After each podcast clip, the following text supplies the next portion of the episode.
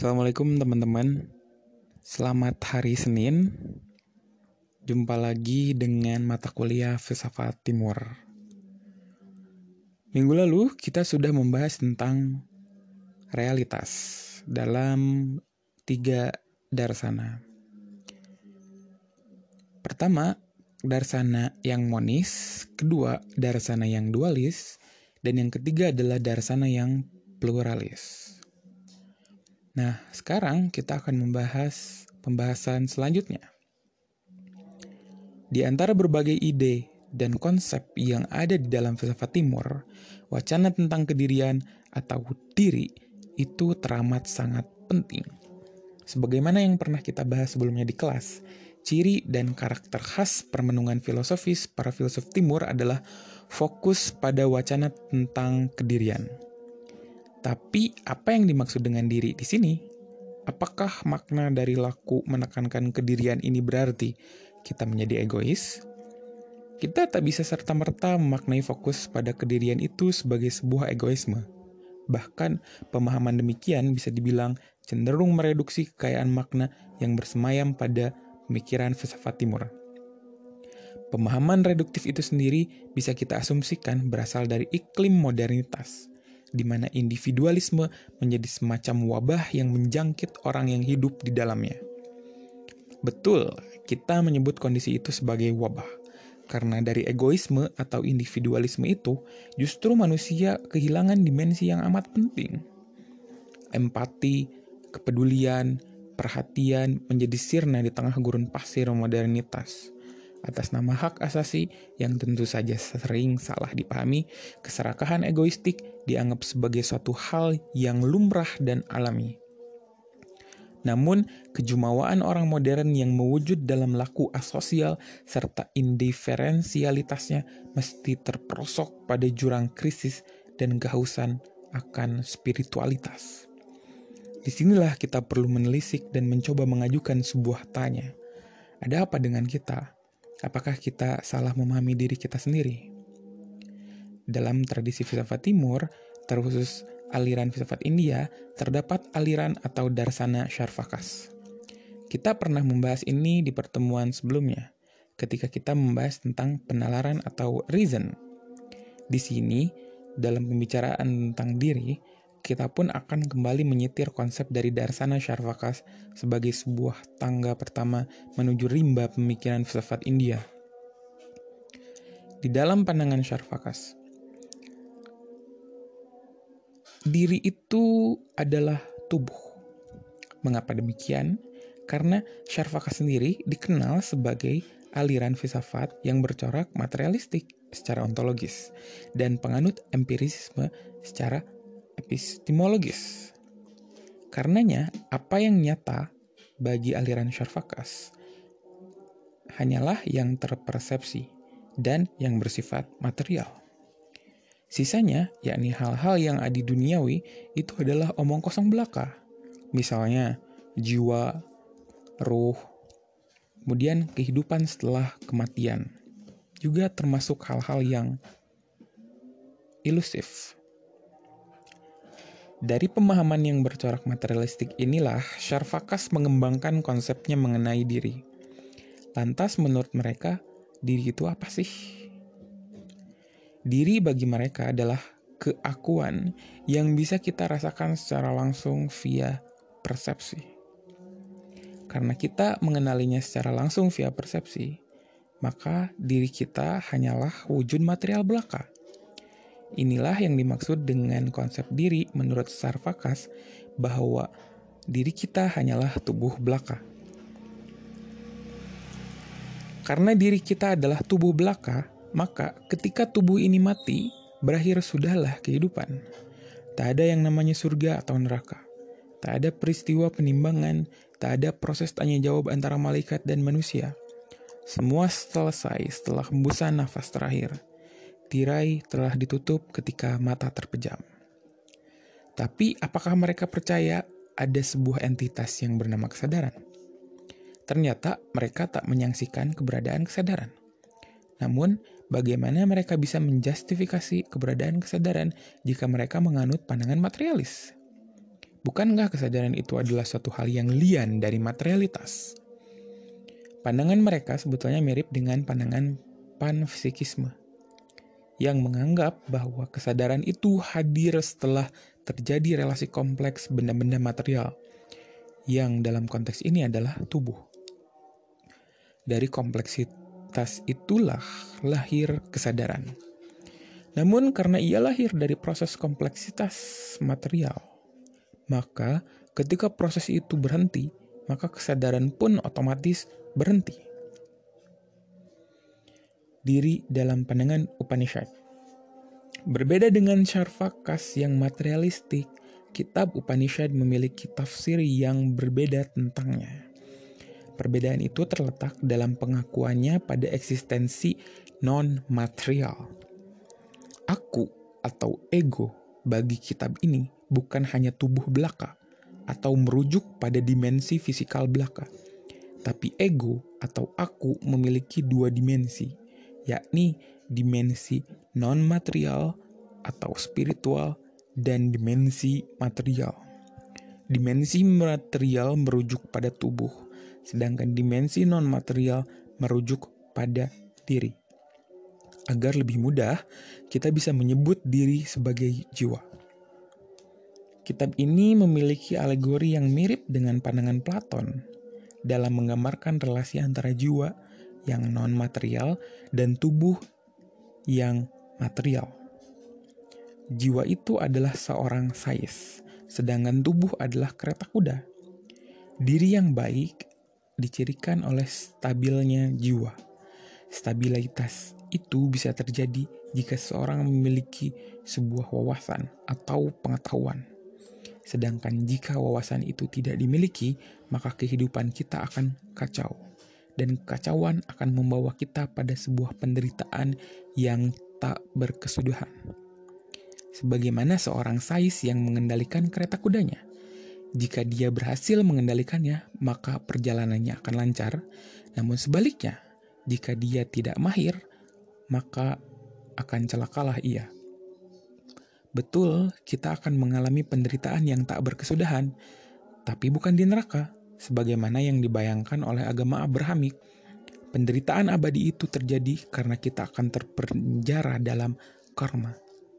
Mungkin kita tak asing lagi dengan istilah karma, karena penggunaan kata ini sudah cukup lumrah dipergunakan oleh banyak orang.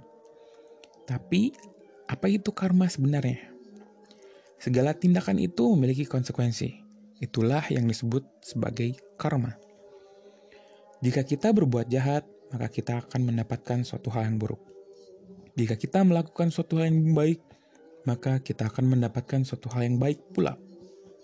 Akan tetapi, kita mesti membedakan antara konsekuensi karma dan konsekuensi fisikal. Perbedaan ini bisa dipahami dalam ilustrasi macam ini. Bayangkan kita berada di atas gunung Kemudian kita melihat ada seekor anjing yang terhimpit kakinya oleh bebatuan. Setelah melihat itu, kita pun bergegas menolong anjing tersebut. Namun, setelah kita berhasil menolongnya, batu tersebut menggelinding ke arah pendaki gunung yang kebetulan sedang lewat. Batu pun berhasil menewaskan para pendaki tadi. Dari ilustrasi tadi, kita bisa mengajukan pertanyaan. Apakah yang kita lakukan itu adalah sebuah keburukan yang pada akhirnya akan membawa kita pada karma yang buruk? Jawabannya adalah tidak, karena karma itu berkaitan dengan niat yang sudah kita teguhkan sebelumnya. Dalam konteks ilustrasi tadi, niat kita adalah menolong anjing. Dengan demikian, kita tak akan mendapatkan karma yang buruk. Lantas, bagaimana dengan peristiwa batu yang menggelinding tadi? Peristiwa yang menggelinding tadi adalah konsekuensi fisikal sehingga kita bisa mengartikan bahwa karma itu terletak pada relasi sebab akibat yang ada pada ranah moral. Untuk menjelaskan mekanisme karma, kitab Upanishad memiliki istilah samskaras. Samskaras berarti tendensi atau watak yang kita dapatkan seiring berjalannya waktu yang menubuh di dalam diri kita. Untuk memahami ini, kita bisa ambil contoh rasa cemburu. Jika kita cemburu, maka lama-kelamaan rasa itu membentuk watak dan laku kita, yang kemudian akan menampilkan tingkah yang menunjukkan dan melahirkan kecemburuan di dalam diri. Jadi, dari karma inilah kita menyadari bahwa segala nasib yang kita dapatkan ini adalah efek dari tindakan-tindakan kita pada kehidupan sebelumnya. Keberuntungan yang kita dapat berarti bahwa kehidupan sebelumnya kita berkelakuan baik. Begitupun dengan kesialan. Dalam kacamata karma, berarti kita telah melakukan suatu hal yang buruk. Tapi jika segalanya ditentukan oleh karma, bukankah hal itu berarti tiada kebebasan sama sekali? Jawabannya tidak demikian. Pandangan tentang karma dalam Upanishad ini bisa disebut termasuk ke dalam aliran kompatibilisme, yakni yang memandang bahwa determinisme fisikal tidak bertolak belakang dengan kehendak bebas. Bagaimana hal ini bisa terjadi? Ketika kita mendapatkan kesialan misalnya, Kesialan itu memang berasal dari karma yang kita yang kita dapat berdasarkan kehidupan kita di masa lalu. Namun, kita masih memiliki kebebasan di dalam karma tersebut. Kebebasan itu terletak pada daya memilih kita dalam merespon karma yang kita alami. Umpamanya, ketika kita dirampok oleh seorang pencuri, pilihan kita bisa marah, kesal, atau tetap sabar dan bersyukur. Pilihan bebas itu karenanya terletak pada bagaimana kita mereaksi keadaan yang terjadi dan dialami oleh kita. Darsana Vedanta Sutra, sebagai salah satu penafsir dari Upanishad, memberi ilustrasi menarik tentang hal ini. Bagi darsana ini, karma dan reaksi terhadapnya itu mirip ketika kita sedang memasak. Ketika kita memasak, di hadapan kita terdapat berbagai macam bahan makanan Sebut saja tepung, telur, air, dan lain-lain. Namun tetap saja, berdasarkan bahan-bahan tersebut, kita bisa menentukan akan memasak apa. Bahan-bahan tersebut merupakan ilustrasi dari karma. Sedangkan kita ingin memasak merupakan ilustrasi dari pilihan reaksi yang bisa kita pilih. Tadi kita sempat sebut bahwa kita bisa menderita secara abadi jika kita terikat pada karma. Namun, bagaimana ini bisa terjadi? Di sinilah kita menemukan konsep tentang reinkarnasi. Karma itu sendiri berjalan berkelindan dengan reinkarnasi. Sebagaimana yang sempat kita sindir sebelumnya, bahwa karma yang kita dapatkan sekarang merupakan efek dari kehidupan di masa lalu. Di sinilah reinkarnasi bekerja. Jadi, ketika kita tidak berhasil membebaskan diri kita dari karma, maka kita akan senantiasa mengalami kelahiran secara abadi terus-menerus. Proses kelahiran secara abadi inilah yang disebut sebagai reinkarnasi. Tapi, kenapa kita terus dilahirkan lagi dan lagi? Jawabannya adalah karena kita masih terjebak pada hasrat. Kita masih menghasrati sesuatu. Itulah masalahnya. Dan hasrat itulah yang merupakan belenggu kita. Sehingga kita terus berada dalam, dalam drama yang tiada akhir. Tapi kita patut bertanya lagi, sebetulnya siapa yang lahir kembali? Dan bagaimana kita bisa tahu bahwa X adalah sosok reinkarnasi dari Y? Di dalam pembahasan tentang realitas, pada pertemuan sebelumnya, kita mengenal Atman dan Brahman. Atman itu adalah kesejatian diri. Lalu, apakah yang bereinkarnasi itu adalah Atman? Karena Atman adalah kesejatian diri, maka yang bereinkarnasi pasti bukan dirinya.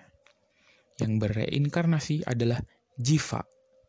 Jiva adalah diri juga, tapi Jiva merupakan ekspresi dari Atman yang tersesat yakni yang gagal dalam memahami kesejatian dirinya. Jiva inilah yang mengalami reinkarnasi. Ia adalah semacam diri yang hadir di dalam waktu yang konsensual. Tapi ia bukan tubuh. Sehingga jiva inilah yang mengalami karma dan reinkarnasi. Dan karenanya yang merasakan efek dari karma adalah jiva. Lantas, bagaimana kita bisa tahu bahwa si X itu reinkarnasi dari si Y?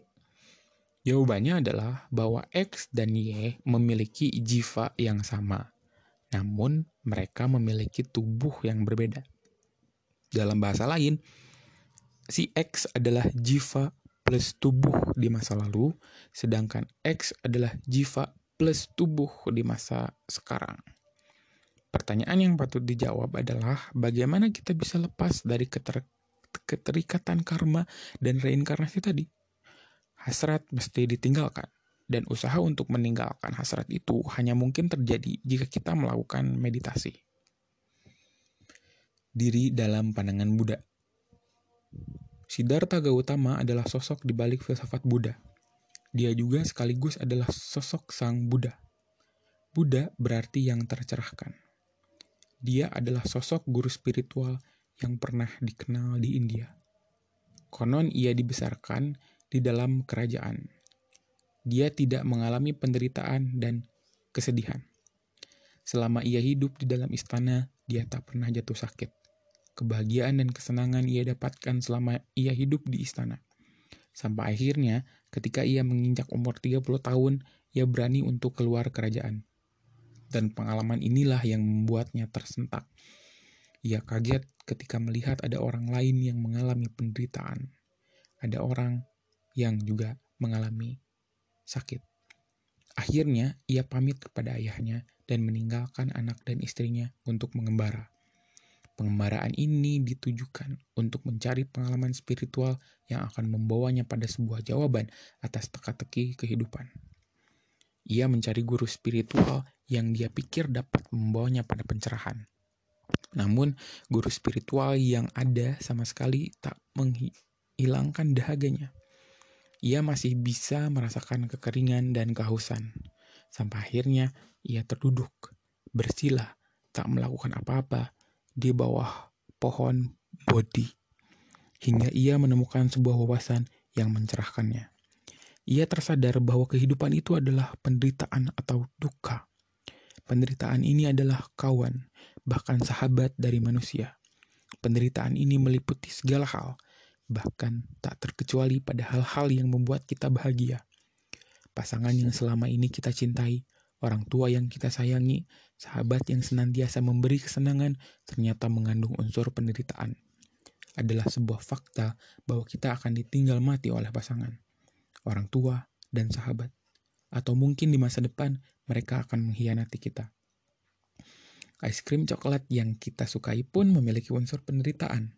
Buktinya, kita tak bisa makan es krim coklat terus-menerus 24 jam selama 7 hari berturut-turut. Begitupun kue coklat bertabur keju serta lelehan vanila yang kita senangi, di dalamnya terdapat penderitaan. Tapi dari mana asal penderitaan itu? Penderitaan itu muncul karena kita memiliki hasrat. Hal ini mirip dengan ajaran yang ada dalam Tab Upanishad. Hasrat inilah yang membuat kita terjebak pada arus penderitaan terus-menerus. Jadi, selama kita ingin memiliki pasangan, ingin memiliki rumah mewah, ingin memiliki gaji puluhan juta, kita akan terus mengalami penderitaan abadi. Kita akan senantiasa berada dalam neraka hasrat dan penderitaan. Namun, apakah kengerian ini bisa dihentikan? Buddha menjawab, bisa. Proses penghentian ini disebut nibbana. Dan ketika kita berhasil menghentikan derita itu, kita akan berada pada status nirvana, Lantas, bagaimana agar kita bisa sampai pada tahap itu? Buddha memberikan nasihat pada kita bahwa kita mesti memiliki delapan jalan yang mesti ditempuh. Kita mesti mempunyai satu, pemahaman yang benar. Kedua, pikiran yang benar. Ketiga, tuturan yang benar. Keempat, tindakan yang benar. Kelima, penghidupan yang benar. Enam, usaha yang benar. Tujuh, kesadaran yang benar, delapan, konsentrasi yang benar. Delapan jalan ini mesti kita tempuh demi menghentikan penderitaan. Dan yang paling penting, jalan inilah yang mesti ditujukan demi menghentikan hasrat kita yang tak pernah berhenti. Ajaran Buddha yang paling penting lainnya adalah penegasannya bahwa tiada yang abadi di dunia ini. Semuanya mengalami perubahan, dan perubahan inilah yang justru membuat kita menderita. Kenikmatan yang kita rasakan ketika kita makan itu bersifat sementara. Dan karena kesementaraan itulah kita jadi menderita. Syahdan, diri pun termasuk ke dalam hukum kesementaraan itu sendiri. Lantas, diri itu apa? Dari pandangan Buddha, diri merupakan penjumlahan dari unsur fisik dan non-fisik.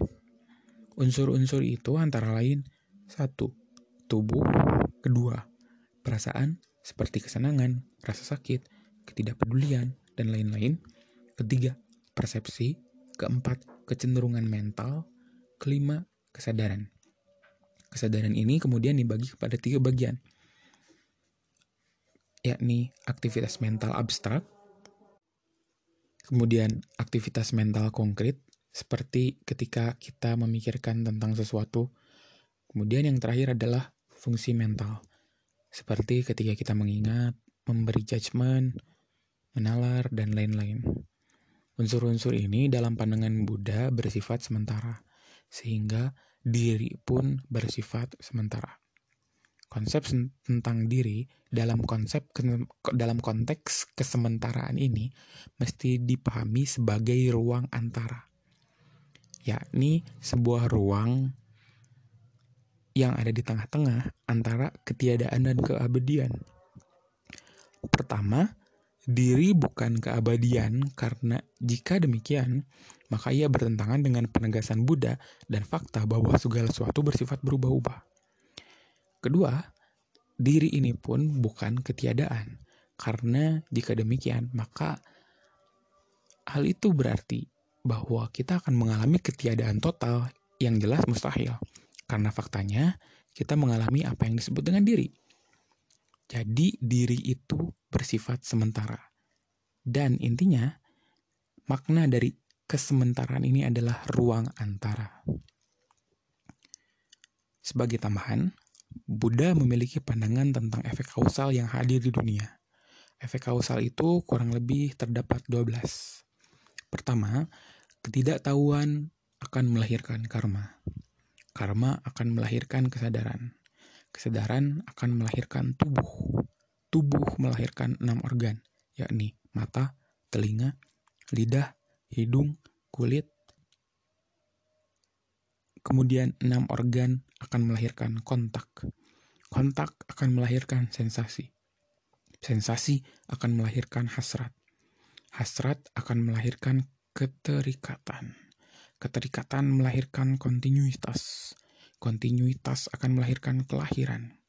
Kelahiran akan melahirkan ketuaan, kematian, penderitaan, kesedihan, dan keputusasaan tahap terakhir, yakni yang ke-12, kita akan kembali ke tahap pertama.